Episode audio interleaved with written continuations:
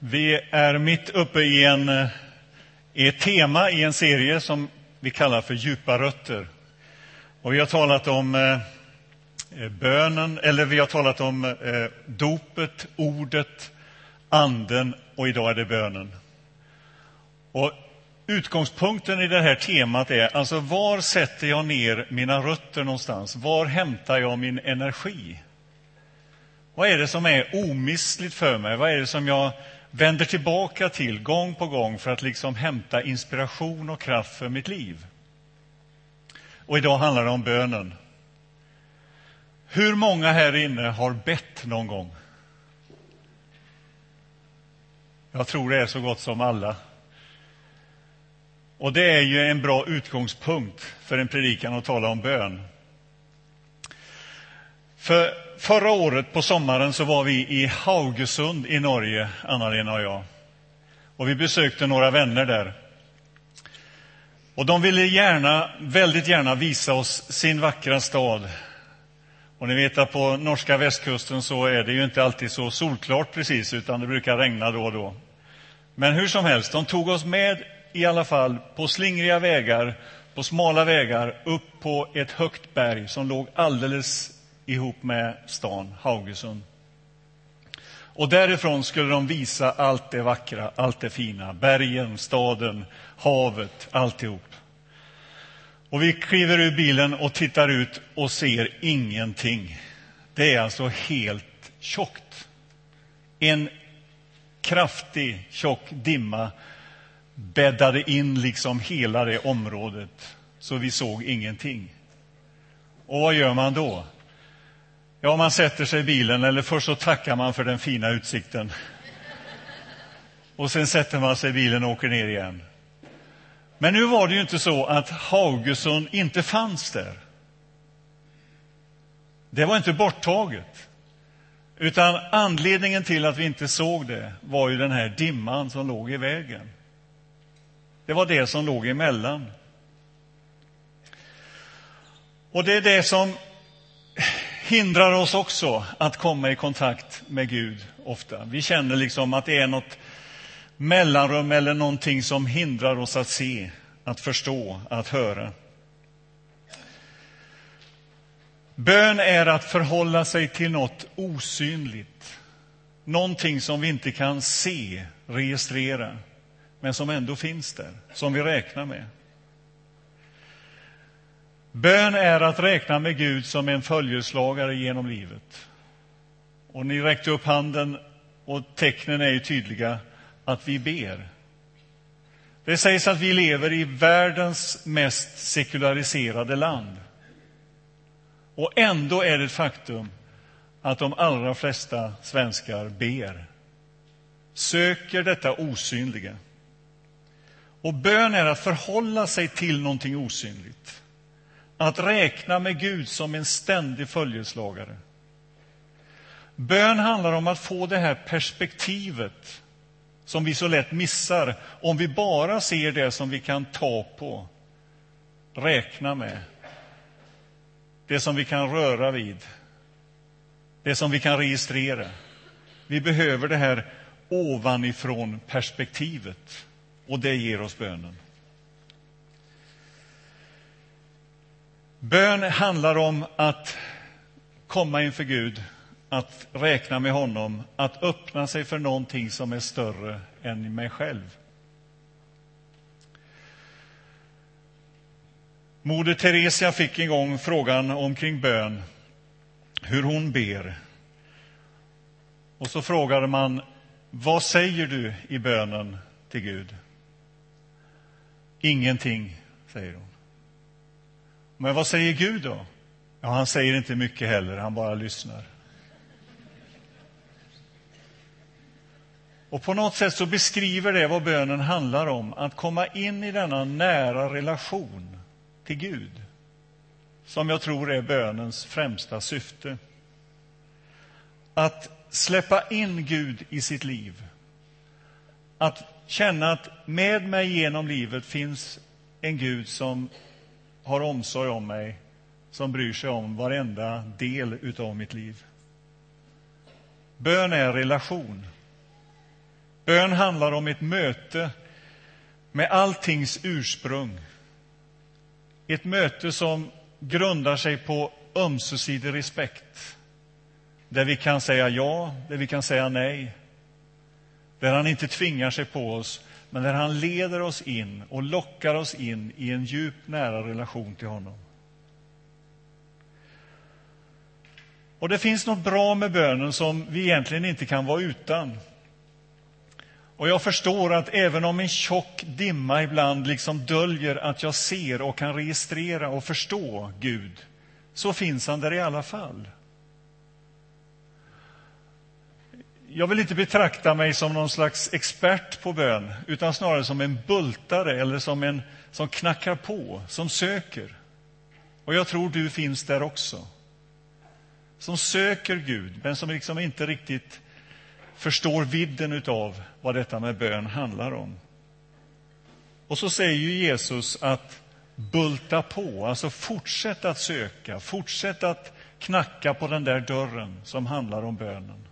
Han lockar oss in i det. Jesus ägnade stor tid åt bön och han talade en hel del om bön. Och låt oss läsa en text i eh, Matteus evangeliet, det sjätte kapitlet. Matteus 6, från vers 5. Och det finns på sidan 681 i de här biblarna som ni har fått när ni kom in här.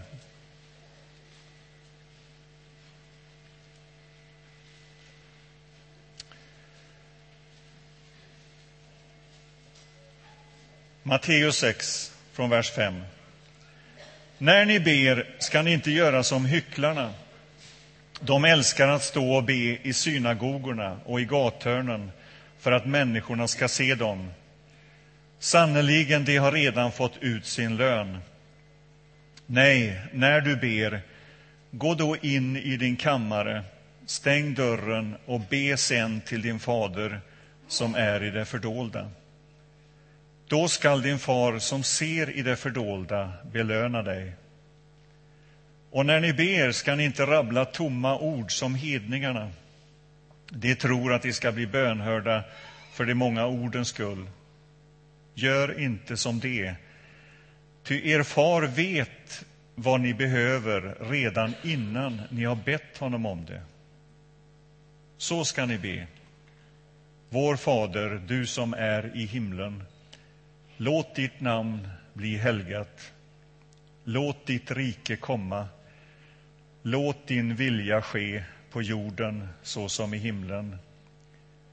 Ge oss idag vårt bröd för dagen som kommer och förlåt oss våra skulder liksom vi har förlåtit dem som står i skuld till oss. Och utsätt oss inte för prövning, utan rädda oss från det onda. Ty om ni förlåter människorna deras överträdelser ska er himmelske far också förlåta er. Men om ni inte förlåter människorna ska inte heller er far förlåta er era överträdelser. Och när ni fastar, se då inte dystra ut som hycklarna som vanställer sitt utseende för att människorna ska se att de fastar. Sannerligen, de har redan fått ut sin lön. Nej, när du fastar, smörj in ditt hår och tvätta ditt ansikte så att inte människorna ser att du fastar, utan bara din fader i det fördolda. Då skall din far, som ser i det fördolda, belöna dig. Den här bönen ber människor runt omkring i hela världen. Överallt så formulerar man sin bön ofta utifrån denna bönen.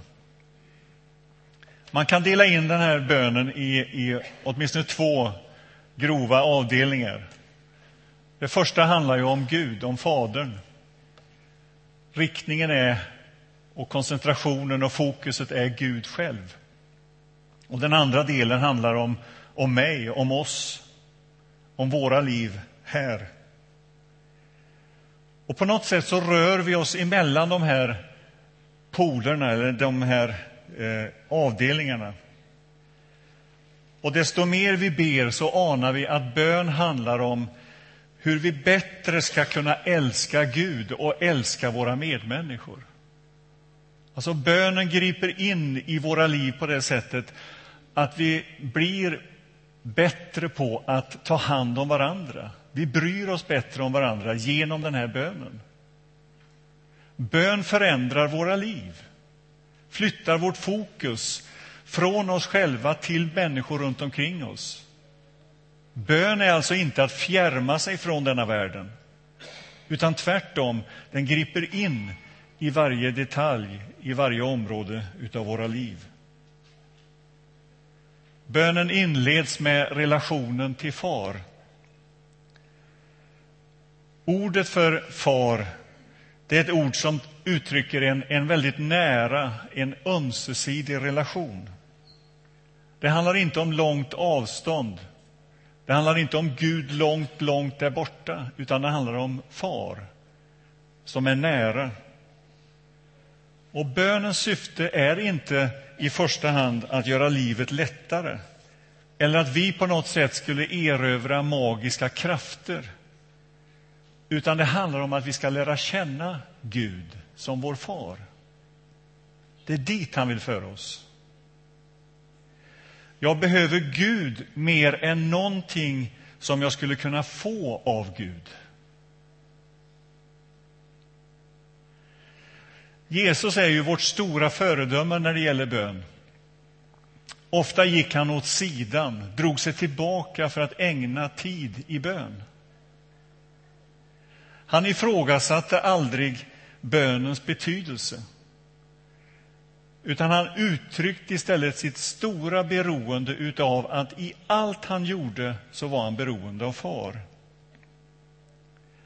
Och för Jesus verkade det precis som att allting var möjligt därför att han, han gick in i bön på något sätt. Bönen gjorde allt annat möjligt i livet.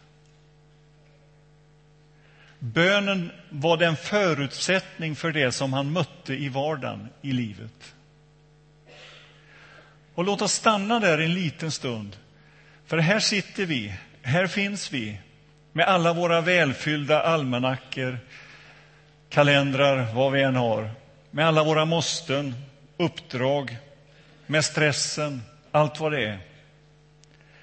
Och bönen är därför omistlig för oss därför att det ger oss ett rätt perspektiv på allt det vi möter.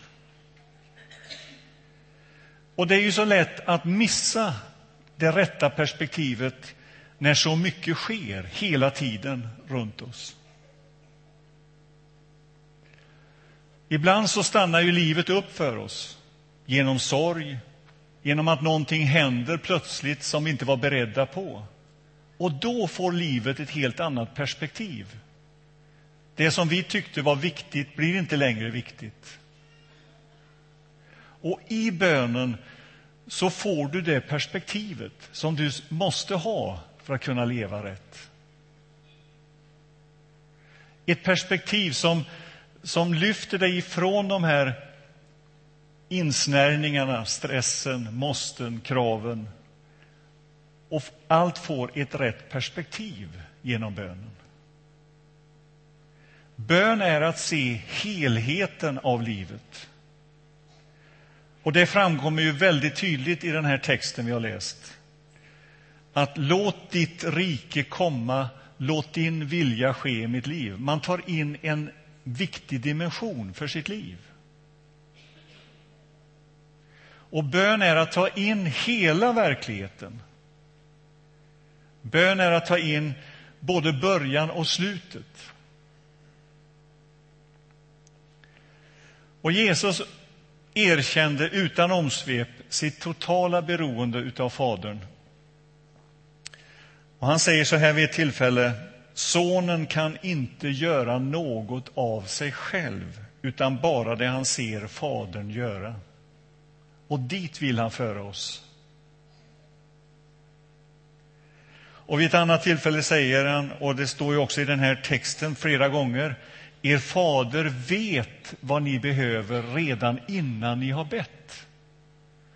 Och med det vill inte Jesus säga att bön är onödigt. Utan tvärtom så vill han säga till oss att Gud är intresserad av varje del av våra liv. Och bön är att bjuda in Gud i våra liv.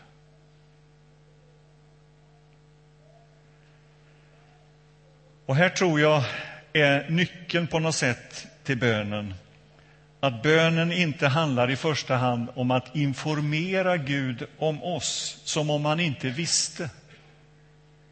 Utan bön handlar om att släppa in honom i våra liv, i det vi möter, i det vi står, i våra bekymmer, i vår oro, i vår glädje, i vår sorg.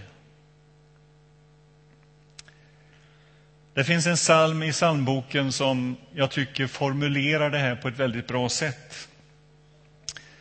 Och Den första versen lyder så här. Att bedja är ej endast att begära. Att själviskt ropa giv mig, Herre, giv. Att bedja är att komma Gud så nära så att han blir livet i mitt eget liv. Och det leder bönen oss in i, att jag tillsammans med Gud går genom detta livet. Så bönen är ju någonting, ett oerhört stort och fantastiskt erbjudande, en gåva som Gud har gett oss. Där vi alla kan be, vi alla kan närma oss honom. Tillsammans med Gud i vardagen. Alltså, jag tar in det här ovanifrån perspektivet in i det jag möter, in i det jag står i. Jag öppnar mig för hans under och hans möjligheter in i mitt liv. Jag vet var jag ska gå i allt det jag möter i livet. Och även om jag inte kan se allt, därför att dimman ligger tät över Haugesund, så gör jag det ändå. Jag går till honom i bön. Jag vet att han finns där. Och det finns så väldigt mycket som vill ta uppmärksamheten ifrån det jag är skapad för. Och bön är att öppna sig för honom som står där alldeles intill alldeles nära oss. Och det är hit Gud vill leda oss i bönen. Nu finns det olika dimensioner i bönelivet. Och det fantastiska är att man blir aldrig färdig. Man kan aldrig liksom ta examen i bön. Utan hela tiden så får vi säga som lärjungarna, Herre lär oss att be.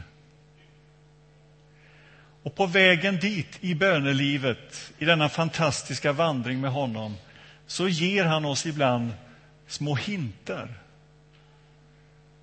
Jag brukar kalla det som små såna här gula post-it-lappar som man sätter upp. Där han påminner oss om att jag är med dig. Och ibland så svarar han på märkliga saker, triviala saker. Och vi får gång på gång rapporter och berättelser som beskriver hur Gud har gripit in på olika sätt. Och det är bra. Det är fantastiskt att få vara med om att se det. Det leder naturligtvis till många frågor, varför Gud inte svarar på alla böner. Men jag skulle vilja uppmuntra dig som har sådana erfarenheter, där du har sett den här post-it-lappen hängande eller det du har förstått att det finns en Gud bakom den här dimman som jag ser framför mig.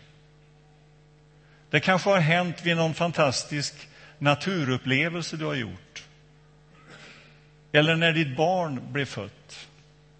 Där du har anat det finns ett större sammanhang än det jag kan se. Jag skulle vilja uppmuntra dig att stanna inte vid den där gula lappen, utan låt det gå vidare in i en nära relation till honom. Gud bryr sig om våra liv.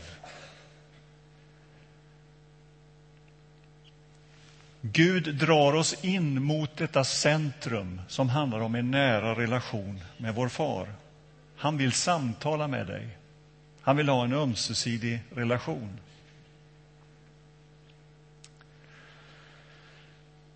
Jag hörde en ganska fantastisk berättelse. Jag tänkte jag får ta den idag. Eh, det finns ett program som heter Karlavagnen.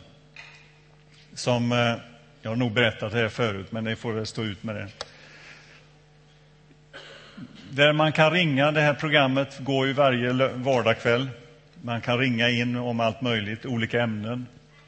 Och så hade man en, en tillbakablick på alla de samtal som hade kommit. Och bland annat så spelade man upp ett samtal där en hade ringt in och berättat ett sånt här, en barndomshistoria. Där han och en kompis ägde en hamster. Och de fick för sig att göra en fallskärm till den här hamstern och släppa den från den högsta våningen på, i ett höghus i Stockholm. Sagt och gjort. Man gjorde en, en eh, fallskärm och begav sig till det här huset. Och den här som tog emot det här samtalet sa ni måste ju inte vara riktigt klara i huvudet som gör en sån grej. Och de fick också påringningar från, från olika intresseorganisationer som tyckte det här var helt vansinnigt. Ja, men det var ett pojkstreck, berättade han då. Och så gick han upp. Den ene stannade kvar nere på marken och den andra gick upp på högsta våningen. Och så ropar han kusten är klar och så släpper de den här stackars hamsten. Det var bara ett problem och det var att fallskärmen var överdimensionerad. Så att en vind kom och fallskärmen åkte inte ner utan bort. Över hustaken. Och de resonerade vidare om det här förskräckliga som hade hänt. Och han ville bara berätta det här. Då är det någon som lyssnar på det här programmet och ringer in till Karlavagnen och säger jag kan berätta var hamstern tog vägen. Och så berättar den här kvinnan som ringer in att hennes dotter under lång tid hade tjatat om mamma, kan jag inte få en hamster? Och mamman hade sagt, du får ingen hamster. Du vet hur det är att sköta en sån och allt som hör till med det. Ja, men då ber jag till Gud att jag får en hamster, sa flickan. Och då svarar mamman, ja det kan du väl göra, med tanke, då får du säkert ingen hamster. Och så är de ute på stan, mamman och hennes dotter, i Stockholm. De går ner under Hötorget där det finns basarer och handlar där nere. På vägen upp i trappen så säger flickan Mamma, där kommer hamsten. Och de ser alltså en hamster. Erik, kan inte du komma fram och beskriva hur det ser ut? Med armarna ut genom vad det nu var den hängde i. Och den seglar sakta men säkert ner över Hötorget och fastnar i ett träd som fanns där då. Det finns inte nu längre. Och där hänger den med armarna ut så här. Och hela torget engagerar sig i den här hamsten som hänger där. Men det var ju flickan som såg den först. Hon får sin hamster alla kommer dit med sallad och allt vad de hade att sälja där. Så han fick bra med mat med sig också hem. Men flickan gick hem med bönesvaret i sina händer. Det finns massor av sådana här berättelser. Triviala, tycker vi, enkla. Och jag tror att det här var en sån här post-it-lapp, inte bara för henne utan kanske för alla de som lyssnar på det programmet. Och nog är det så att vi i olika situationer i livet, vad det än är, om jag ska klara tentan eller uppkörningen för körkort eller vad det än är, så ber vi en bön till Gud. Och jag skulle vilja säga att det är bra, gör det. Gå till Gud med allt. Vi får göra det. Men stanna inte där, utan låt det gå vidare in i en ännu djupare och nära relation till honom. Det är dit han vill föra oss. Och så blir det som Moder Teresia. Ja, jag säger inte mycket och han säger inte mycket heller. Men jag går till bön i alla fall. Går till Gud i bön med mitt liv. Och för mig så är detta en, en följeslagare genom livet, någonting omistligt. Att få varje dag lägga sitt liv i Guds händer och veta att han är intresserad av den här dagen. Han ser precis det som ska hända idag och han vill vara med mig genom livet. Inte som någon slags automat som jag liksom hämtar ut precis det jag beställer, utan i den här nära relationen. Och då får jag det här rätta perspektivet, förhoppningsvis. Bönen förvandlar inte i första hand Gud, utan oss. Jag ser på andra människor på ett visst sätt. Jag ser på det jag möter, situationer, kriser, svårigheter, kanske ur ett annat perspektiv. Och jag förstår att Gud är A och O, han är början och slutet. Och när jag sätter mig på kvällen och slår på tvn och lyssnar på Rapport eller Aktuellt och matas med alla de bilder, allt det som har drabbat världen, så förstår jag att det finns ett perspektiv till. Att Gud har sista ordet för denna skapelsen, för denna världen. Och jag blir inte dränkt i detta negativa och destruktiva, utan jag har ett perspektiv till som handlar om att Gud älskar den här världen, älskar dig och mig och han har historien i sina händer. Nästa helg har vi Alla helgons dag med sångerna om himlen, om hoppet, om det som väntar oss. Och vi påminner varandra om att Gud har till och med i Jesus Kristus besegrat döden. Allt det mörka och det destruktiva. Och det kämpar vi för, det står vi för och det perspektivet tar vi in i våra liv. Amen. Låt oss be. Tack Gud att du ser oss och känner oss. Att du omsluter var och en av oss. Tack att vi får öppna våra hjärtan för dig och ta emot din närvaro, ditt liv in i våra liv. Dina lösningar in i våra bekymmer. Din kraft in i vår svaghet ditt under in i vår hopplöshet. Kom, Gud, och rör vid oss. Amen.